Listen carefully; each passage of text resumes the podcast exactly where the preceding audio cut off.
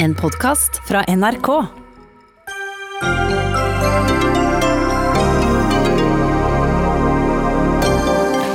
Norge skal gradvis åpnes opp. De minste elevene og barnehagebarna skal tilbake på skolen om litt under tre uker. Men hvis antall smittede går opp igjen, hva gjør vi da? Og hva med alle de milliardene vi har brukt på å jage Norge innendørs? Var de i så fall forgjeves? Storbritannia ledes nå av en vikar, mens statsminister Boris Johnson ligger på intensiven med covid-19. Etter lange og intense forhandlinger ble storting og regjering enige om å betale ut 20 milliarder kroner i måneden til bedriftene som sliter. Men Rødt advarer om at ordningen kan utnyttes av kriminelle og utenlandske bander. Og FN-topp vil forby handel med ville dyr etter koronaepidemien. Men hvor gjennomførbart er nå det?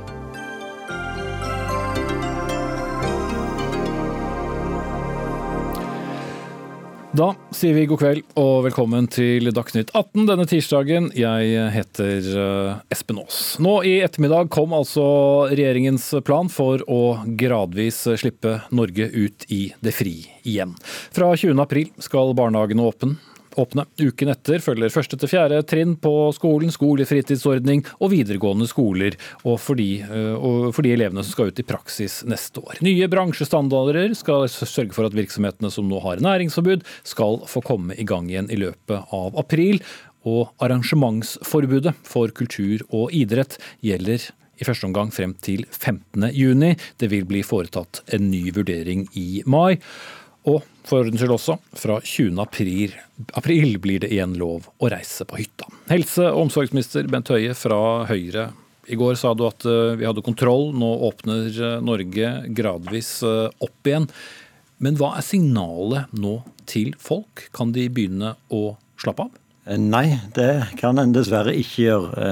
For det som jeg òg sa i går, det er at det, har kosta å få kontroll.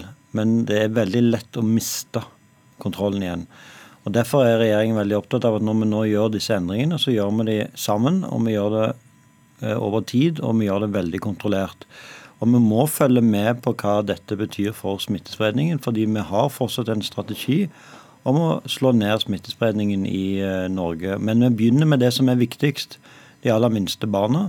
For det er der òg vi vet at skadevirkningen av tiltakene våre eh, kan være størst, og der òg risikoen for smittespredning er minst. Og Derfor begynner vi forsiktig å åpne opp der. Mm. Direktør i Folkehelseinstituttet Camilla Stoltenberg, dere kom altså med en ny risikovurdering eh, i dag, og den viser at smittetallene er på vei ned. Men har vi noe som helst slags prognoser da for tiden som kommer? De prognosene vi har laget med utgangspunkt i de modellene som viser at eh, smittespredningstallet nå er under én, de viser jo da at vi vil få færre som blir innlagt om én uke, to uker og tre uker på sykehus. Og så vil vi få lavere behov for intensivplasser. Men det er jo forutsatt at smittespredningstallet fortsatt er så lavt. Mm. Og det er vel det mange lurer på. Hvor raskt kan dette snu? Kan, kan Norge bli jaget eh, innendørs igjen? Ja, Det kan være at vi må stramme til igjen. Eh, hvis det er sånn at vi eh, får en eh, utvikling i smittetallene som gjør at vi har behov for det. Men det er jo ikke sikkert at vi da skal nødvendigvis stramme til igjen med de tiltakene vi nå har åpnet opp med. Det kan jo være at våre folkehelsemyndigheter og Helsedirektorat vil i en sånn situasjon både se hva er årsaken eventuelt til en sånn økning, og hva er da det beste virkemidlet for å møte den økningen. Og Da er det ikke sikkert at det å stenge barnehagene er det rette svaret i en sånn situasjon. Det må vi jo da gjøre en vurdering av. Men vi må være forberedt på at hvis vi får en smitteøkning igjen i Norge, så må vi ha nye tiltak for å møte det. Men vi har jo nå et ønske om at vi skal nå gjør vi dette veldig gradvis. Vi sier at vi, det er ikke sånn at vi bare åpner opp. Vi sier òg at vi gjør det på en måte der vi innfører noen krav til hvordan det skal være i barnehagen for å unngå eventuelt en smittespredning i skolen, hos frisøren eller hos fysioterapeuten. Eh, så, så, så, vi har jo en, en, tro på at vi kan gjøre dette uten å ødelegge, uten å få en økt smittespredning, men vi må følge veldig nøye med. Mm. Men altså, vi smitter færre, 0,7, ut fra de tiltakene vi har gjort. Nå kommer folk til å treffes litt mer øh, fremover, men hvis vi skal se det på lang sikt, Camilla Stoltenberg, Du sa jo i går at flokkimmunitet ikke har vært et mål, men hva er da målet? Skal det på en måte brenne ut selv? Men det skal vel også veldig lite til for at smitten kommer tilbake? Det skal lite til for at smitten kommer tilbake. Men det som er målet nå, eh, det er jo å både få et mye bedre kunnskapsgrunnlag, og det må skapes nå. Eh, av oss, og det skjer hele tiden ute i verden. Og så å ta i bruk nye virkemidler, fordi de virkemidlene vi har, eh, ikke alle, men en del av dem er veldig skadelige for samfunnet, og de er også skadelige for de individene, som f.eks. de barna som ikke får gå i skole og barnehage. Så det er eh, en situasjon der kan si, det å skaffe bedre data, det å drive forskningsbasert oppfølging av epidemien og av tiltakene, og finne, utvikle nye tiltak, det å innovere, blir ekstremt viktig, og det må skje nå i sanntid. Og det er i gang. Mm. Norge har engasjert seg i å få vaksineutvikling raskere enn noensinne. Eh, det er et stort engasjement i Norge også for å få utvikling av legemidler, ikke bare i Norge, men internasjonalt. Og I tillegg så utvikler vi, eller tar i bruk gamle metoder og utvikler dem videre for å kunne drive testing i stor skala og drive smitteoppsporing på nye måter. Og også få til bedre og mer differensierte former for å isolere folk som er syke, og kanskje også til og med andre som har behov for å, å holde seg unna. Ja, men eh, likevel, vi vet at det smitter så utrolig eh, raskt. Kanskje skal det bare en liten ansamling med folk eh, til. Vi har eh, ingen eh, vaksine. Vi har ingen medisin som stopper den. Er det ikke da for tidlig å sette i gang det vi nå gjør?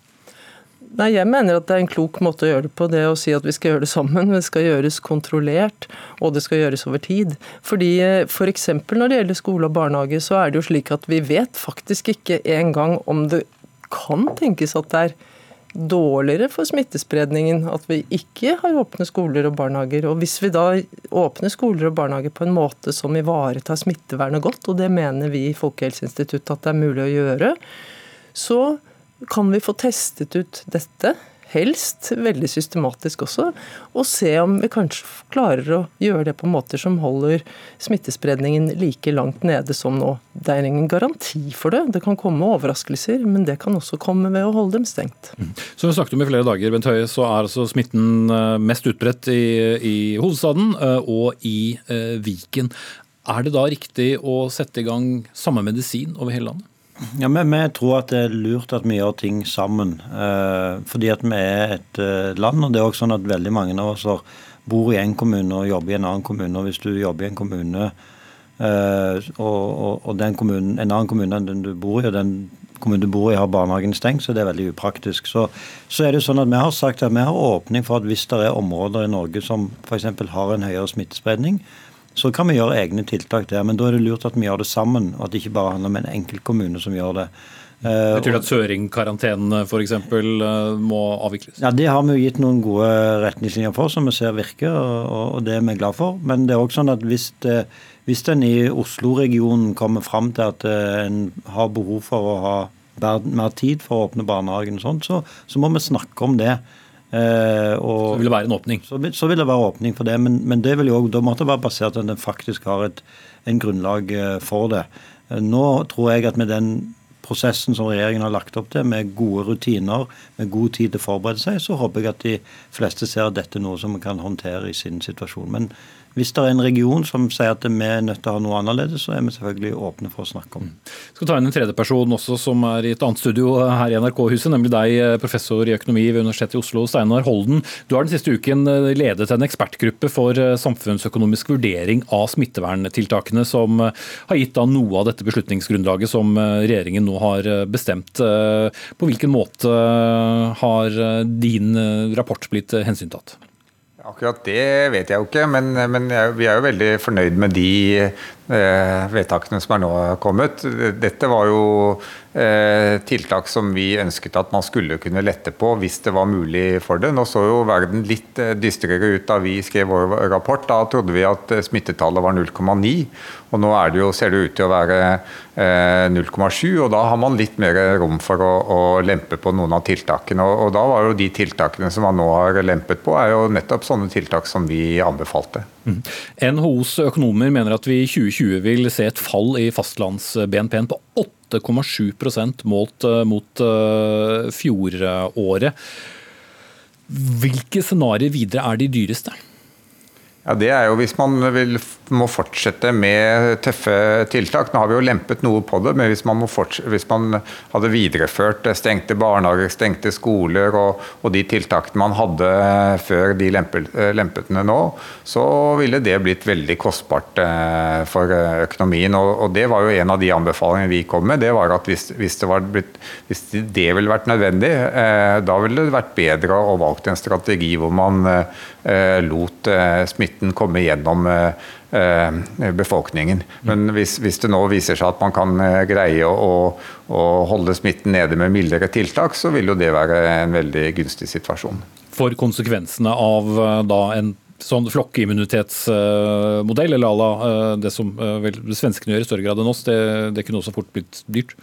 Ja da, så Her er det jo usikkerhet på alle alternativer, men, men det fremstår som at, at, en sånn strategi hvor man må holde hold, bruke veldig sterke virkemidler i lang, lang tid, at det ville bli det mest kostbare. Fordi det ville eh, ha veldig sterke negative virkninger på økonomi og samfunn. Og, og I så fall ville det nok vært bedre å, å velge å, å, la epidemien gå gjennom eh, befolkningen. Selv om, men i kontrollerte former, sånn at ikke helsevesenet blir overbelastet. Hvis helsevesenet blir overbelastet, så, så vil jo det eh, gi eh, eh, store skadevirkninger. Mm. Til slutt, eh, Holden. Dere har jo også da regnet ut prisen rett og slett for et liv. Hvordan har dere regnet på det? Ja, Vi har jo ikke regnet ut det. altså Vi har basert oss på de på det, det, som eh, man bruker eh, ellers. Så, så, Vanligvis så bruker man jo statistiske liv, men, men, i noen sammenhenger så, i helsevesenet så man, ser man jo også på kvalitetsjusterte leveår. Vi har ikke tenkt på noen kvalitetsjustering, men vi har, har nok tatt hensyn til i våre beregninger at at de som eh, dør ved en sånn eh, epidemi, i stor grad har færre leveår igjen. Og det blir rimelig å ta hensyn til det i eh, beregningene. Dette er jo metoder som man bruker i, i helsevesenet og i andre sammenhenger.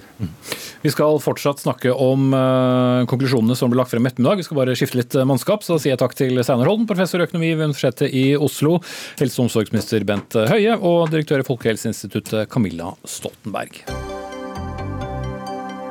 Dagsnytt 18 alle hverdager kl 18.00 på NRK P2 og NRK2.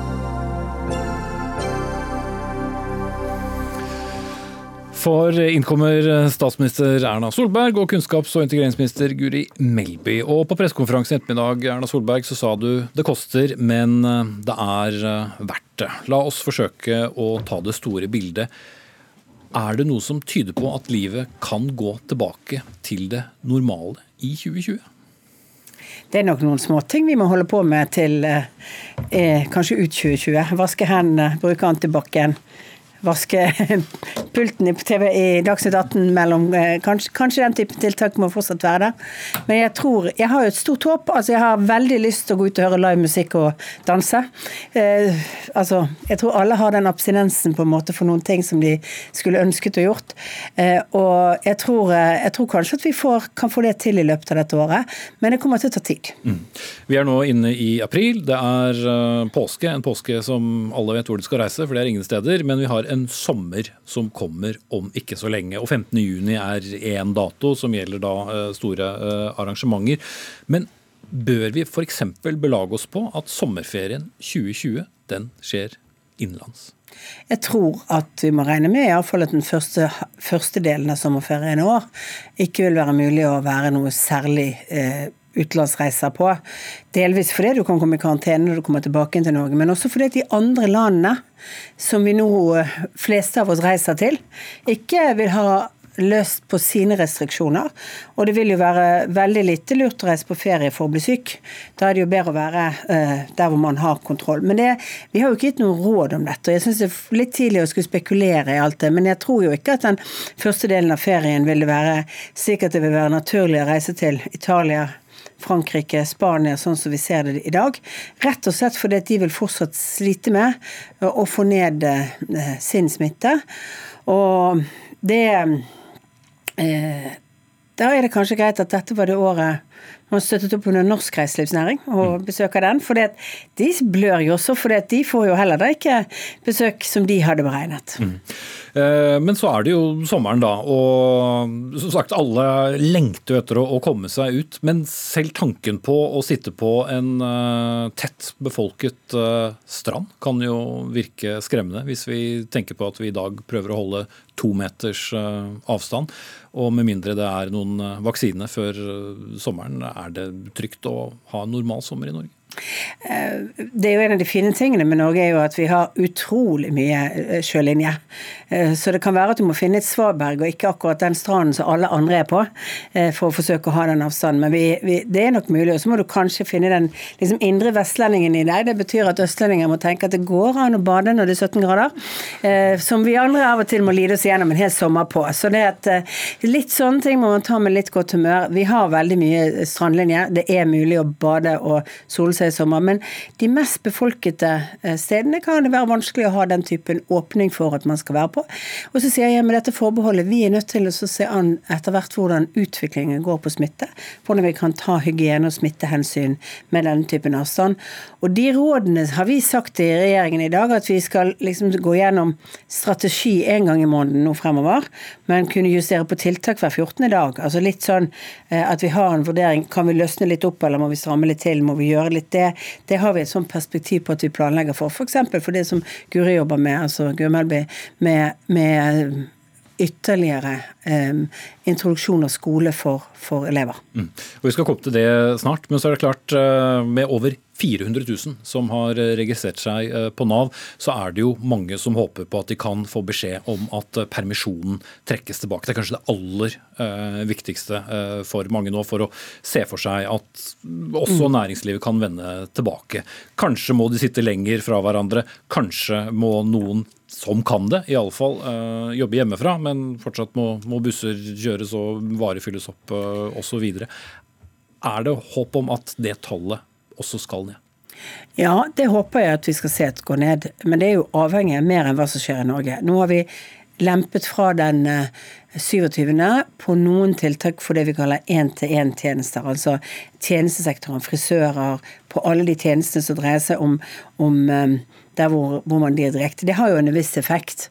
Eh, så mener vi fortsatt at folk skal ha hjemmekontor og forsøke å jobbe hjemmefra. Og det er klart at eh, det er viktig for oss fortsatt å ikke ha fulle T-baner eller fulle busser i de større byene. Eh, vi, så, så, i den måten man kan organisere arbeidet sitt sånn at man ikke reiser i rushet, man kan være på ulike dager på kontoret. Alt det der er viktig og kommer til å være viktig helt frem og inn i sommeren.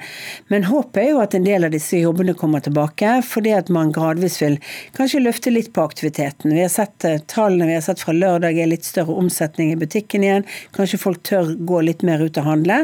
Og kanskje mange butikker får ja, klarer å håndtere denne én eh, meter fra hverandre i køen og sånt. Eh, jeg har akkurat hatt kjøpt meg et nytt spill til påske, sant? og der var det godt markert opp i butikken. Én meter i hele kassakøen innover. sånn, Stå her, stå her. sånn at ikke nærmere. Og, og alle disse tingene kommer til å bli en vanlig plass, og da blir folk kanskje tryggere på å gå, gå og, og, gjøre den type ting. Og da er det kanskje litt flere jobber som kommer tilbake. Men det blir ikke eh, full et på uterestaurantene. Sånn at for en del næringer så kommer det til å være vanskeligere. For det er fortsatt bare matrestauranter som har lov til å ha åpent. Eh, og det må faktisk da være uten buffé, og du må sørge for at du kan praktisere disse to meter eh, og avstandskriteriene som er sagt. Og det er jo ganske store um, store sysselsettere. altså Det er mange jobber i den sektoren. Reiselivsnæringen rammes jo først og fremst nå av kanskje at utlendinger ikke kommer inn, at ikke folk vil reise så mye internasjonalt. Så det, vi er nok dessverre sånn at vi kommer til å se et ganske høyt antall som er permittert en stund til. Regningen blir, blir skyhøy for Regningen kommer til å bli stor, og den, den eh, fortsatt eh, en stund til. Og så håper vi jo at, at alle de deler av norsk næringsliv som kan drive, ha aktivitet, Eh, gjør det. Og at man ikke permitterer hvis ikke man trenger, altså hvis ikke det er strengt nødvendig. At man kanskje tar det etterslepet og vedlikehold og de tingene som er ekstra, eh, gjør det som litt til de tingene som man kanskje har skjøvet på, men forsøker å sysselsette folk fremover nå. Eh, for men det er noen næringer som, som nok kommer til å slite en stund. Mm. Guri Melby, kunnskaps- og integreringsminister fra Venstre folk var vel kanskje, eller i hvert fall veldig mange var jo veldig spent på hva du kom til uh, å si uh, når det gjelder barnehager uh, og skolen. Og Det er altså en plan for barnehagene og første til fjerde trinn på skolen og de videregående elevene. Hvordan er det ting nå er prioritert? Alle fra femte trinn oppover lurer jo veldig f.eks. på hva de skal gjøre. Ja, Regjeringa har jo ment at det vil være fornuftig å ha en gradvis og forsiktig åpning. Eh, det betyr at vi også sikrer at vi har god tid til å forberede oss. At lærerne og de ansatte i skoler og barnehage får tid til å forberede hvordan de skal gjennomføre undervisning og alt dette her i de neste ukene. Så Derfor så har vi satt eh, oppstart litt fram i tid. 20.4 for barnehagene, 27.4 for skolene.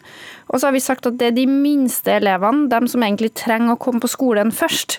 De som kanskje har minst nytte av hjemmeundervisning, vi prioriterer først.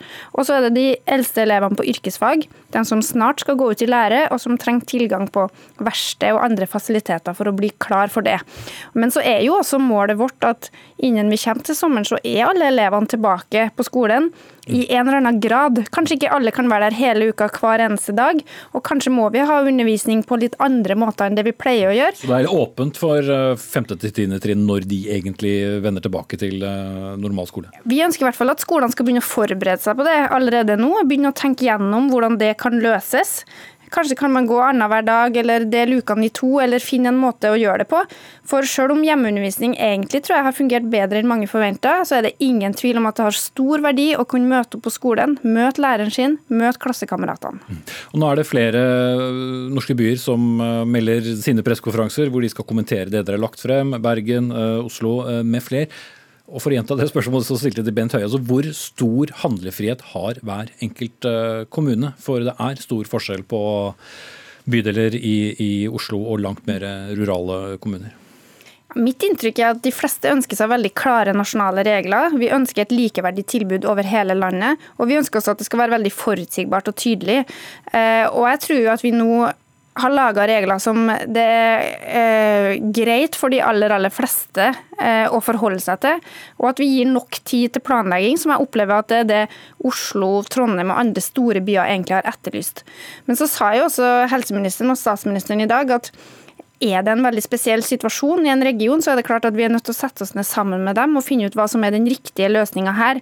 Men da skal vi gjøre det sammen, lokale og nasjonale myndigheter. Og Det tror jeg er viktig for å sikre at vi lager de unntakene som skal til, og at alle vet hva som er reglene vi forholder oss til. Og så er det viktig å huske at det finnes ingen kommuner som er en bo- og arbeidsmarkeds Eh, området alene. Mm. Det er de sammen med det. Oslo, altså Lillestrøm og Bærum og Asker og Oslo henger sammen på, med flere andre kommuner. Så det er litt viktig at man forsøker å ha noenlunde felles eh, altså felles strategi og felles politikk for disse områdene. Og det betyr at det er viktig å se utover sine egne kommunegrenser, og at man samordner seg, og at man har nasjonale myndigheter med.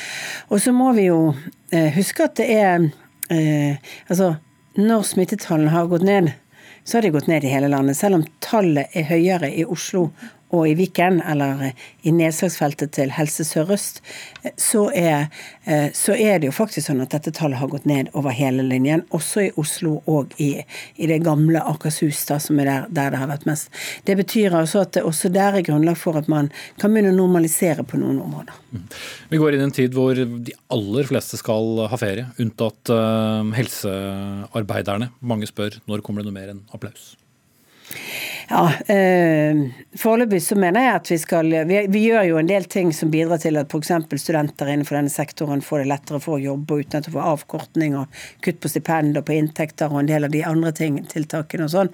Og så tenker jeg at vi skal ikke drive lønnsforhandlinger eller annet eh, rundt dette. Det er eh, Foreløpig så, så er jo også et viktig budskap fra oss i dag som helseministeren hadde, at det er ikke så stort press på vårt helsevesen akkurat nå til at folk skal la være å gå til legen. Folk skal gå til legen hvis du er syk av andre ting.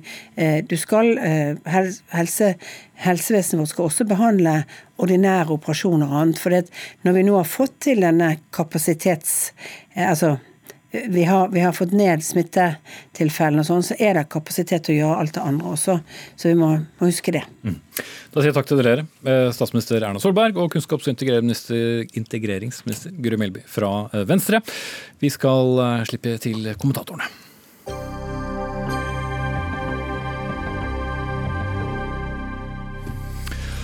For fortsatt blir det jo litt som å kjøre bil og se ut eh, bakvinduet. Det blir begrensninger, vi vet bare ikke helt eh, hvor lenge og hvor mye. Og For at vi skal følge disse reglene, så må regjeringen komme med en begrunnelse vi kan akseptere, skrev du i dag, eh, politisk kommentator her i NRK, Lars Nehru Sand. Gjorde regjeringen det? Eh, delvis. De, eh, de, gir i hvert fall en eh, begrunnelse for at de følger de fleste faglige anbefalingene, med unntak av skoleåpningen, hvor jo det var et faglig råd om å åpne hele barneskolen, altså helt frem til syvende klasse. Men man mener da at man trenger den skolekapasiteten som blir rent i bygningsmassen ved at bare halve elevgruppen kommer på hver skole. Så kan du spre klassene litt mer utover osv. Eh, men det, det, viktigste nå er å se om, om folk aksepterer at, eh, at, eh, barna får gå på skolen mens foreldrene må ha hjemmekontor. Om kommuner uten smittespredning syns det er fint å måtte vente med å åpne skolene etter påske, eller om Oslo med sin smittesituasjon syns det er akseptabelt å åpne gradvis. Det syns jeg er for tidlig å konkludere med. Det er først når vi ser resultatet av det, om vi kan egentlig si om, om dette har truffet planken, for å si det sånn. Mm. Kommentator i, i, VG. Hvordan uh, vurderer du det som uh, kom frem på, på, på, på pressekonferansen i dag? Du verden så mye konsonanter. Ja, Det er jo tydelig at er politikerne som bestemmer fortsatt i Norge. Eh, helsemyndighetene anbefaler jo i de brevene som er offentliggjort nå etter dagens pressekonferanse, bl.a. at det kan være forskjeller i Norge, sånn at man ikke skal åpne barnehager og skoler der det er mest smitte. Det har de jo sett bort fra. De har gjort det samme for hele Norge. Og så ønsker jo også myndighetene, eller mener folkehelsemyndighetene å åpne tidligere, sånn som kollega Lars var inne på her. Eller åpne allerede 20.4. Norge jo, har jo fælt Danmark tett her, men akkurat nå så er vi jo da én og to uker etter Danmark i åpninga. Det er kanskje ikke så lett å forstå for all kaffe. Norge trenger lengre tid på å forberede seg til åpne barnehager og skoler enn danskene trenger. De er jo tross alt mye mer smitte i det danske samfunnet, ser det ut som på beregningene i hvert fall.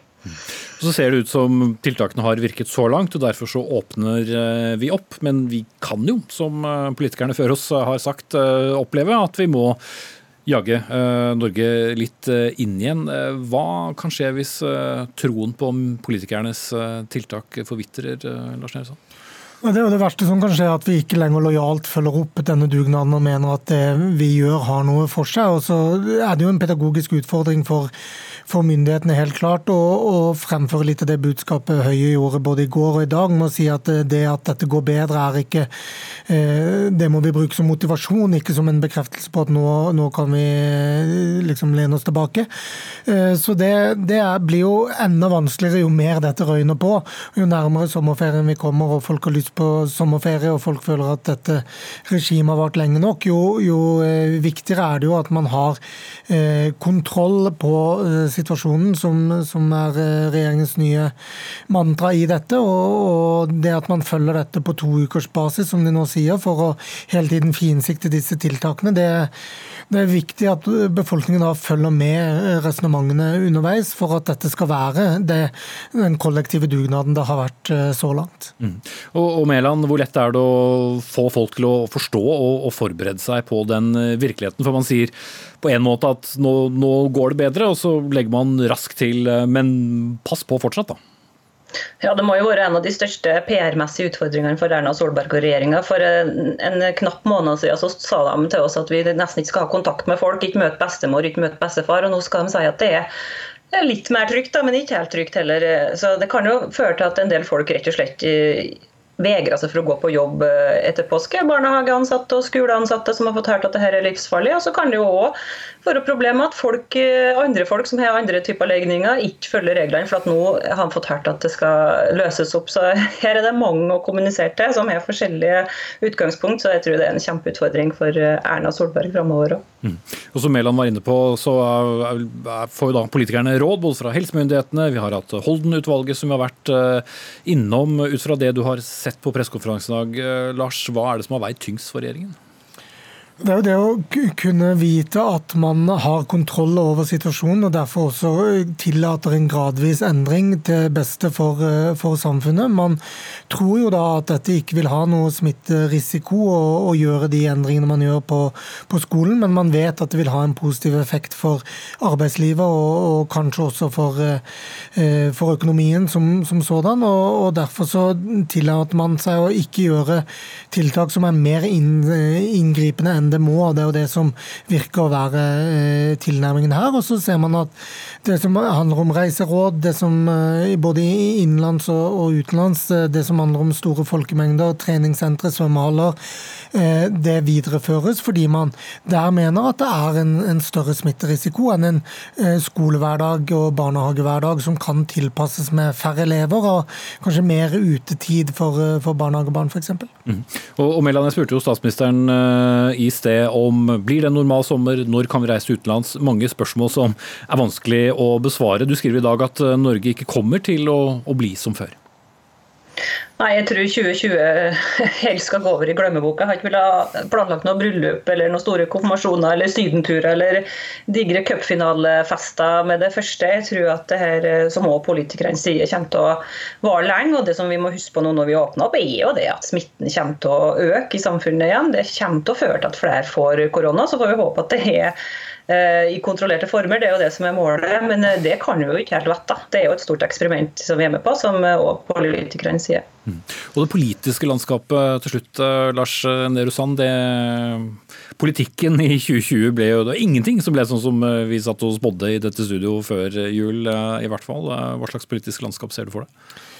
Det ble, det ble, jo først et revidert nasjonalbudsjett og et statsbudsjett eh, som er de to store rundingsbøyene som, som kan bli litt mer politisert enn det disse krisepakkeforhandlingene har, har vært. Og så er det jo den eh, lange valgkampen som snart eh, skal i gang, og det kan jo bli en ganske annerledes stortingsvalgkamp hvis det er en, en litt sånn kriseforståelse fortsatt i befolkningen da. Og så er jo det som politisk sett også blir spennende, er jo når man er kommet dit hen at man kan begynne å evaluere den innsatsen, eh, så, vil det jo bli en mer politisert tilnærming til, disse ukene og månedene som, vi nå går igjennom. Men, den store politiske diskusjonen om iskanten og sånn, det, det, virker jo, langt unna akkurat nå. Det gjør det.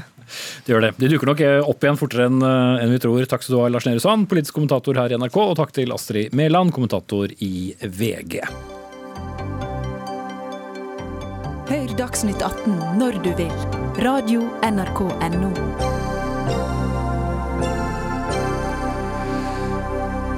Mot eh, slutten av sendingen skal vi snakke om eh, de store dyremarkedene med levende dyr i Kina og Asia, som flere eksperter har pekt på kan være der det hele eh, startet. Går det an å stanse dem, spør vi.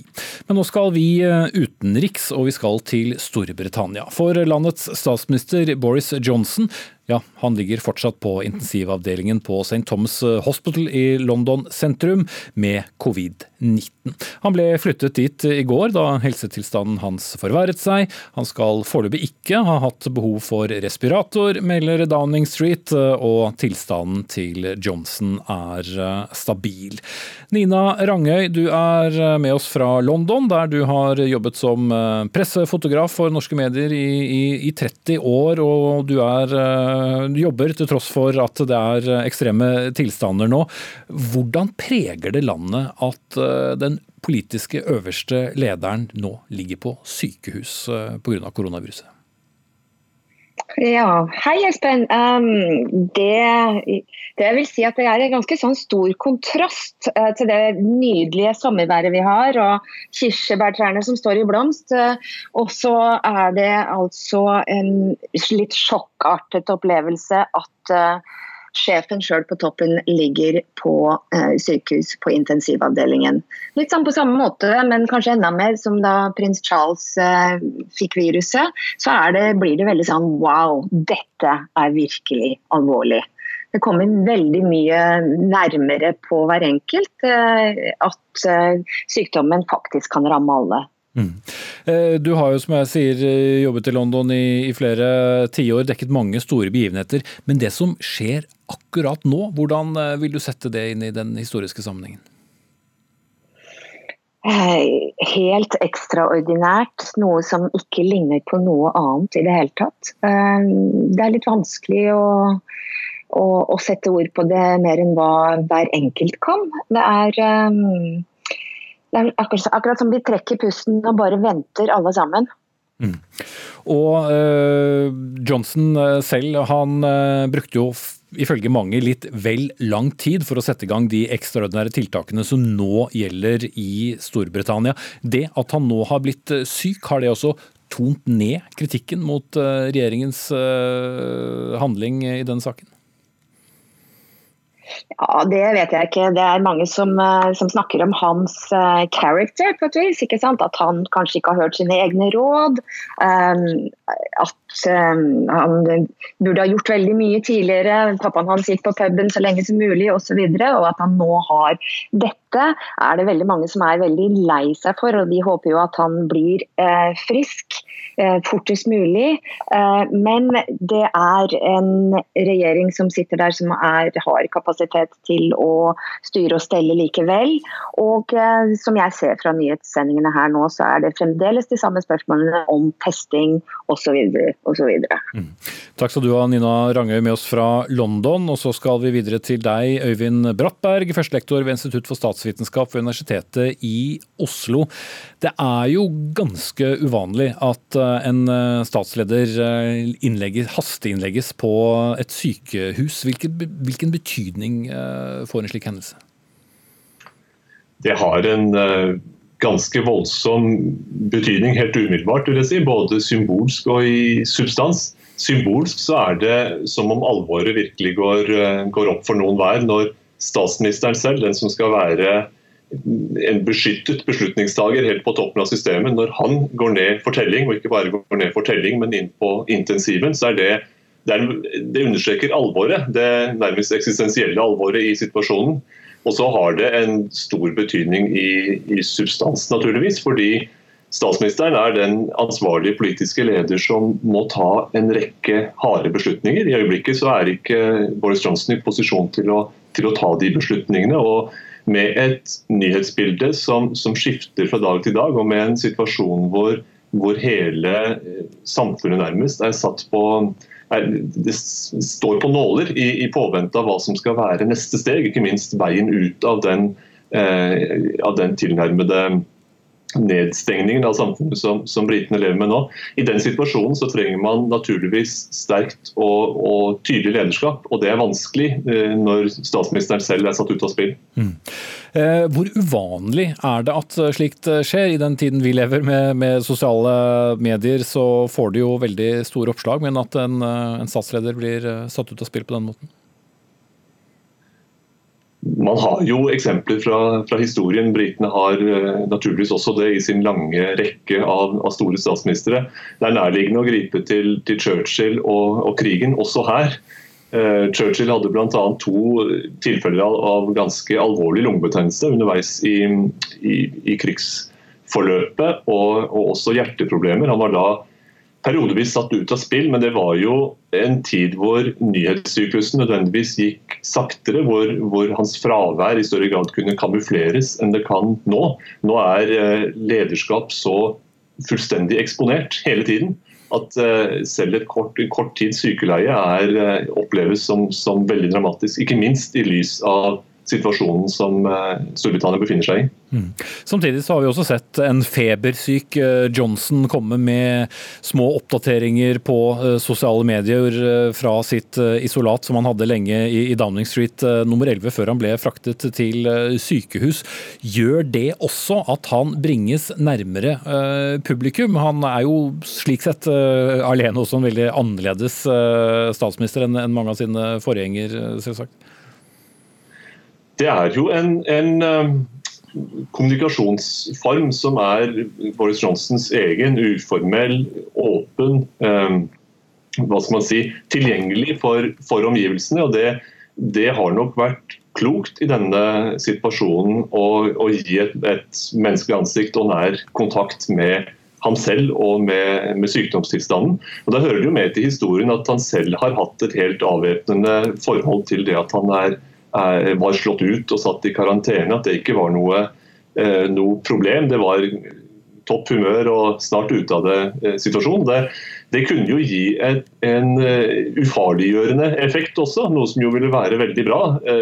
Men da er jo problemet at dette slett ikke er ufarlig. Langt derifra. Slik at det blir jo en litt, som vi allerede har vært, vært inne på, et, en litt avvik mellom en, en munterhet og pågåenhet som man kjenner fra britisk kostskole-etos på den ene siden, og det veldig alvoret i, i, viruset og i hans egen sykdomssituasjon. Mm. Takk skal du ha, Øyvind Brattberg, førstelektor ved Institutt for statsvitenskap ved Universitetet i Oslo. Og gjentar altså at de siste meldingene fra London tyder på at tilstanden til statsministeren er eh, stabil.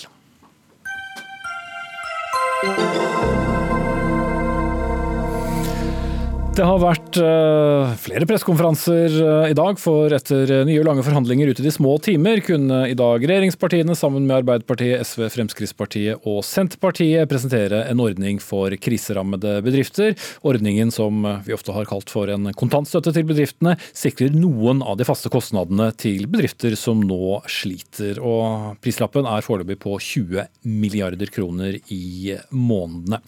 Det var uenighet partiene mellom til hvor strenge krav som skulle stilles til eh, mottakerne av denne støtten. Og Bjørnar Moxnes, leder for eh, Rødt, du var da ikke med på å skli på, på kjellerlemmen denne gangen heller, men du har stemt mot pakken eh, og kalt den for en honningkrukke. Ja, altså Vi stemte for å gi, penger, altså gi, bedriftene penger for å hindre konkurser. Men vi stemte mot de punktene som handla om vilkår, fordi vi mente det var altfor slappe vilkår som flertallet på Stortinget gikk inn for. Det var tre punkter som var avgjørende for oss. Det ene var at når bedrifter mottar penger av staten, altså 50 milliarder kroner skal deles ut, så må vi også ha et krav tilbake om utbyttestopp. Altså Hvis en bedrift kan ta utbytte, så har den ikke behov for penger fra staten, mener vi. Eh, det andre var at vi mente at eh, også de store utleierne, de store eiendomsbesitterne i markedet, Olaf Thon, Kristian Ringnes og lignende, de må også bidra i dugnaden ved å ta husleiekutt til bedrifter som får eh, penger fra staten. Det lå det ingenting inne av pålegg i det fra flertallet. Og Det tredje var naturligvis det her med seriøsitet, bekjempe sosial dumping. Og ha et krav om at kun bedrifter eh, som følger norske lønns- og arbeidsvilkår, ja, kun de eh, skal få adgang til ordninga for å hindre at eh, de som dessverre er useriøse, som også er rent kriminelle virksomheter, kan få lett tilgang eh, til det som jo er en honningkrukke, nemlig 50 milliarder kroner. En enorm sum som skal deles ut. Eh, mye av det skal skje automatisk uten manuell kontroll. Da må flertallet, og da må også ikke minst Stortinget, stille krav tilbake til bedriftene framfor å bare dele ut pengene, og så se da at pengene kan gå, kan gå, til privat berikelse, både for bedriftseiere, men også ikke minst for uh, store eiendomsbesittere. Det var vi imot, derfor stemte vi imot på de punktene, men vi er altså for å sikre uh, bedriftene cash. cash. Det trenger de. Manassar Kapoor, leder for finanskomiteen fra Høyre, så deg på pressekonferansen i, i, formiddag, og du understreket at det oppfordret bedriftene til å, å ikke berike seg selv, men tenke fremover. Men hva svarer du på kritikken til Moxnes? Ville det vært umulig å satt i kravene? Det, det, første og viktigste svaret er jo at uh, dette er ikke bedrifter som står foran en utbytte- eller bonusfest. De står foran kanskje en konkurs. De trenger penger til å betale sine uunngåelige faste utgifter. Og det er disse 50 milliarder, uh, milliarder kronene som kommer til å bidra til at de kanskje kan slippe å gå konkurs. Allikevel vil noen gjøre det. Og så er det sånn at uh, de vilkårene som 168 av 169 stortingsrepresentanter da stiller seg bak, det er jo fordi at dette er et tillitsbasert system. Skal være enkelt å komme inn i, men vanskelig å misbruke.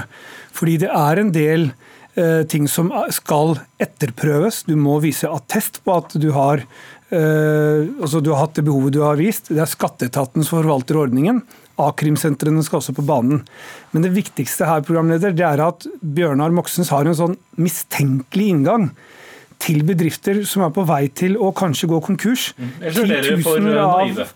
Hva sier du? Eller så kan man snu på det og si at kanskje er dere litt for eh, naive. Nei, vi, altså, jeg tror at Det er veldig vanskelig å, å, å, si at vi er naive når vi prøver å hjelpe en bedrift til å ikke gå konkurs. Nei, men vi ikke stille kravene. Fordi de har måttet stenge på bakgrunn av krav som staten har satt. De sliter med å betale lønningene, de sliter med å betale sine faste utgifter. Så det handler om å gi dem en hjelpende hånd, slik at de kommer seg gjennom krisen. Og vi som er opptatt av de som jobber. Altså Det viktigste de kan oppleve nå, er at de har en jobb å gå tilbake til. Og de kravene Bjørnar Moxnes viser på, det å følge norske regler, vel, de har jo ligget der hele tiden. Det er ikke sånn at man innfører en kompensasjonsordning og sier at nå skal vi se bort fra lover og regler. Det er en veldig sånn rar måte å, å, å, gå inn på og ha en sånn mistenkelig hva, hva, hva vet du som eh, de 168 andre representantene ikke vet, eh, Moxnes? Derfor vet vi det som eh, Kripos og Økokrim har pekt på i årevis, nemlig at i norsk arbeidsliv, lenge før koronakrisen, så er det sånn at organiserte kriminelle nettverk fra Øst-Europa har fått fotfeste innenfor bygg og anlegg, bilpleie, renhold, uteliv, hotell og restaurant. Eh, og De er av en, av en eneste grunn, nemlig å føre mest mulig penger ut av, ut av, landet vårt. og De kommer til naturligvis å prøve å bruke ordningen for å berike eh, seg selv og sine eiere. Og så er det rart å høre Høyre snakke om at vi eh, mistenkeliggjør noen. Altså Vi ønsker at når fellesskapet stiller opp med store summer, må også stille noen krav tilbake til de som mottar kontantstøtte fra, fra staten.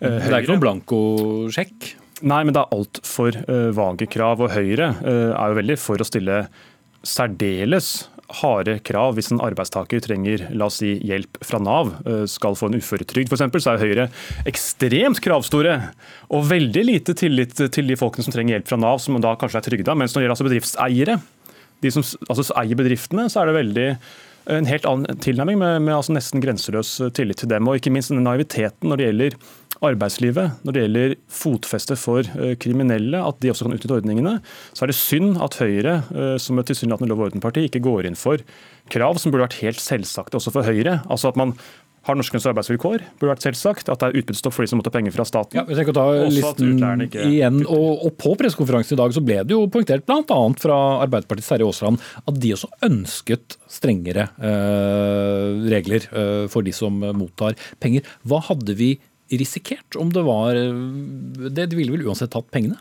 Det er et godt og betimelig spørsmål, eh, og det er noen praktiske forklaringer på det. La meg ta, ta utbytte som et eksempel. Noen bedrifter, eh, så er det, I noen bedrifter så er det sånn at man tar ut utbytte for å betale ordinær lønn. Ved å legge inn den type for... Eller ordinær lønn til gjerne daglig leder, da? eller den ja, som også, driver bedriften. Fordi det er eh, ikke mer enn kanskje én ansatt. så Poenget er at det å legge inn sånne forbud gjør at du stenger bedriftene ute fra ordningen. Og Dette er jo ikke en generell ordning, det handler om de bedriftene som har mistet omsetning, har blitt stengt eller nær stengt. Og Når det gjelder oppsigelser også, det er faktisk slik at det kan oppstå en situasjon i en bedrift hvor du må si opp. Og Det å igjen da innføre regler som gjør at eh, terskelen blir høy for å komme inn i en ordning som gjør at du kan overleve, hvis Bjørnar Moxnes var opptatt av de som jobber, så bør han jo også være opptatt av at vi prøver å berge disse jobbene, slik at de har noe å komme tilbake til når denne ordningen er over. Vi... Så Det er denne mistenkeliggjøringen. Altså... Ja, det, det er du nødt til å ha Moxnes svare.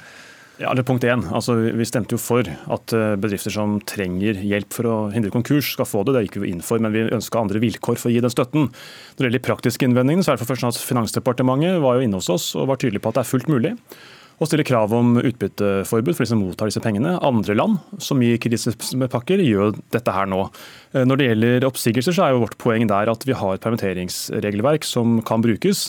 Det vi frykter, er jo at det vi så eh, i 08 under finanskrisen kan skje igjen, nemlig at bedriftene sier opp ganske mange under krisen, og så når det kommer bedre tider senere, så henter de inn folk igjen gjennom innlært fra bemanningsbyrå framfor å ha fast ansatte. Altså at man egentlig får arbeidslivsendringer som ikke vi ønsker i Norge. og Det var bakgrunnen for at vi også ønska å eh, ha krav om oppsigelser. At de ikke skal inn så lenge de får penger fra staten. Mm.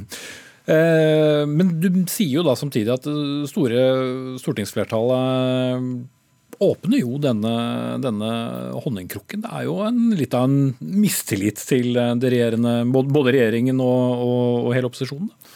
Det er vel en konstatering av det som uh, rent faktisk skjer på Stortinget. For det var fullt mulig å stille vilkår som både ville hindra privat berikelse, som ville medført at utleierne måtte delta i dugnaden, og som ville utestengt en del av de useriøse eh, fra å komme inn på ordningen og automatisk få utbetalt penger, som de nå eh, vil få. Eh, men det er jo egentlig sånn sett bare å gratulere Høyre med at de har fått fullt gjennomslag. altså Høyres forslag gikk jo gjennom. Arbeiderpartiet og de andre partiene har jo gitt seg i Stortinget, og det syns jeg er synd. For det betyr at store summer som skulle gått til å redde bedrifter, i stedet kan gå til utbytter til eiendomsbaroner eller til helt andre som ikke burde fått disse pengene. og Det mener jeg er, er veldig uheldig. Det er ganske utrolig å høre Moxnes snakke om dugnad uh, som en motsetning til det som skjer nå. Altså Disse bedriftene har måttet stenge og miste livsgrunnlaget, muligens, pga. tiltak som staten har innført. Og de får penger av staten, det. det støtter jo vi. At de får penger. Så det er vi for. Og så ønsker du å legge inn en del totalforbud for i det hele tatt å komme med på ordningen. Ja, utbytte. Fordi at fordi at du har en mistenkeliggjøring av bedriftene. Bjørnar Moxnes, det vi må være enige om, er at nå handler det om at titusener av ansatte skal ha en jobb å komme tilbake til. Tusener av bedrifter skal unngå konkurs. Jeg er veldig glad for at et bredt stortingsflertall nå innvilger disse pengene. Jeg håper at vi greier å betale det ut i tide. Og den type, den type jeg... gjentagelser av eksisterende lovverk for å markere seg overfor denne, jo, men, denne pakken, det er opp til Moxnes å gjøre, men jeg er mer opptatt nå av bedrifter som får pengene. Altså selv VG på lederplass, eh, selv Stein Erik Hagen, eh, i intervjuer i VG, sier at eh, hvis du mottar penger fra staten, som de gjør, er det helt naturlig at du også har et utbytteforbud i andre enden. Altså Du får penger av staten, og da er det en, en slags samfunnskontroll at du ikke tar ut penger i utbytte. Det er helt, helt logisk, helt naturlig og også helt nødvendig å gjennomføre, mener vi. Vi får se hva generalforsamlingene tør å gjøre og ikke gjøre etter hvert som de kommer så langt. Takk til Bjørnar Moxnes, leder av Rødt, og Mudassar Kapur, leder av finanskomiteen fra Høyre.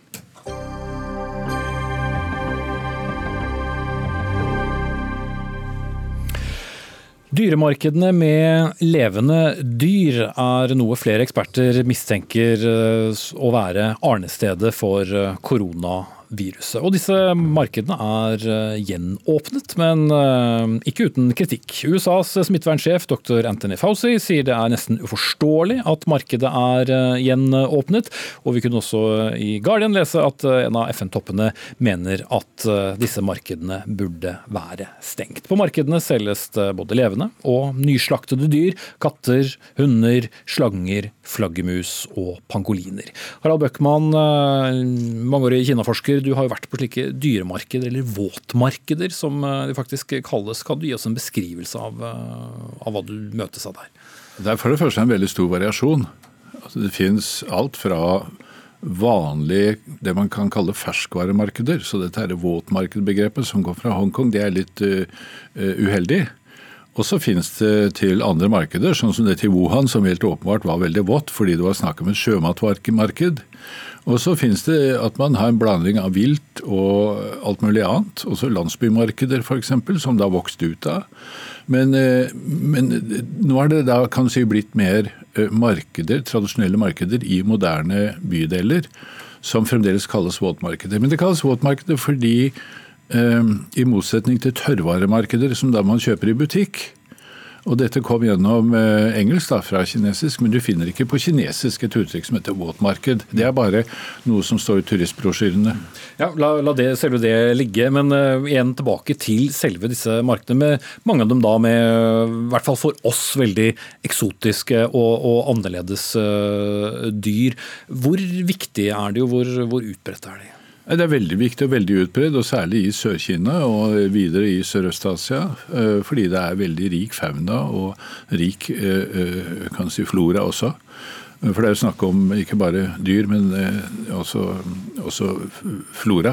Og dette er en del av tradisjonelle matkulturen som eh, sitter ganske lengt inne. og det er, eh, du kan si det er vel blitt drevet både av fattigdom og rikdom og eksotiske forestillinger om mats eh, beskaffenhet og funksjon. Og det er nært knytta til tradisjonell kinesisk medisin, som er et veldig stort kapittel. Så hvis du går inn i en kinesisk matvarebutikk, så finner du mye som du vil kalle medisiner. og hvis du går inn i kinesisk apotek, så vil du finne mye som du ville kalle mat. Mm.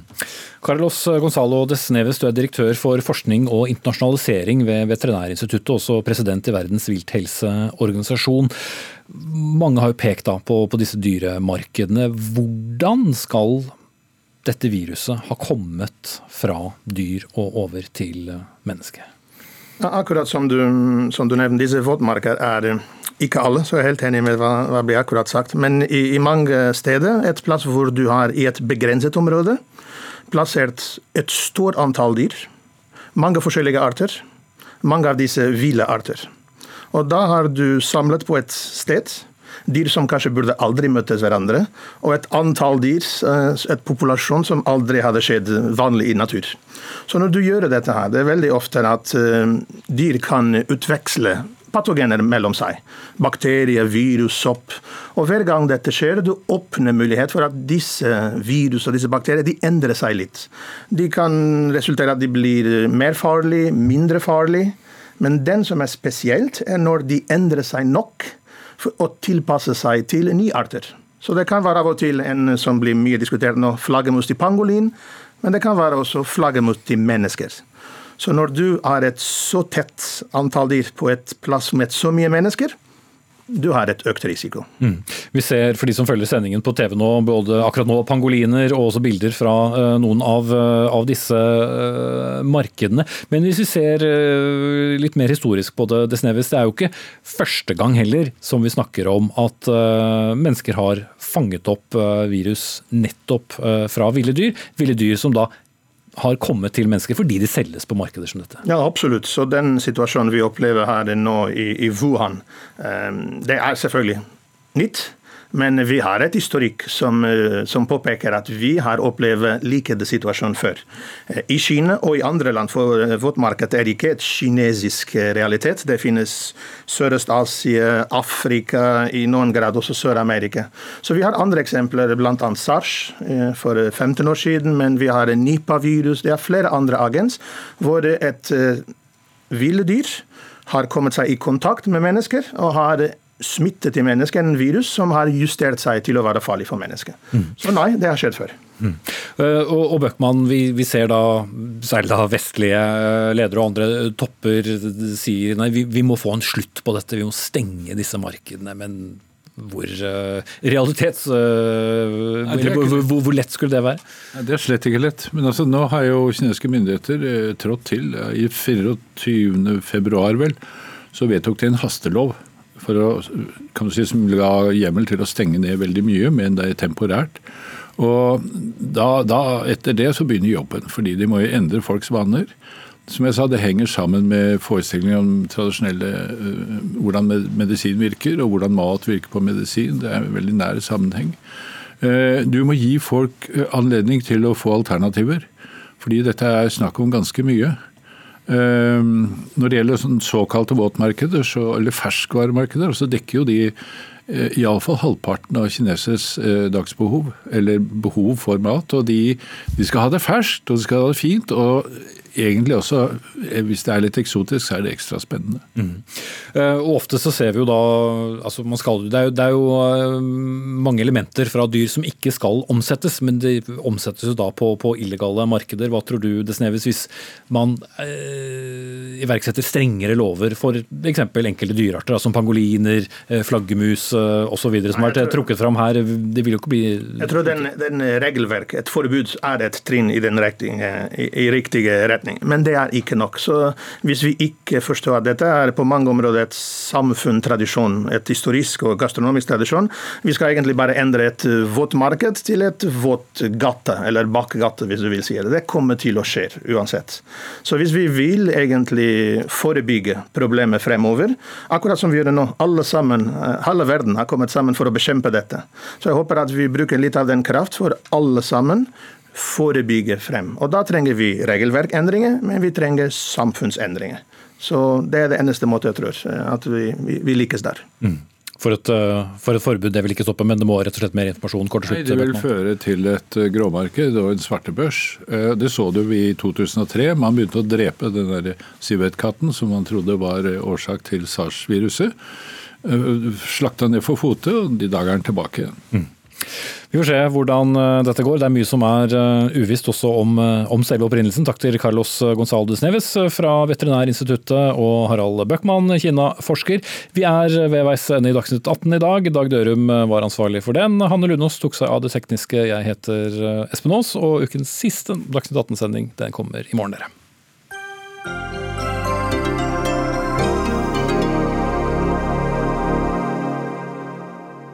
Du har hørt en podkast fra NRK. Hør flere podkaster og din NRK-kanal i appen NRK Radio.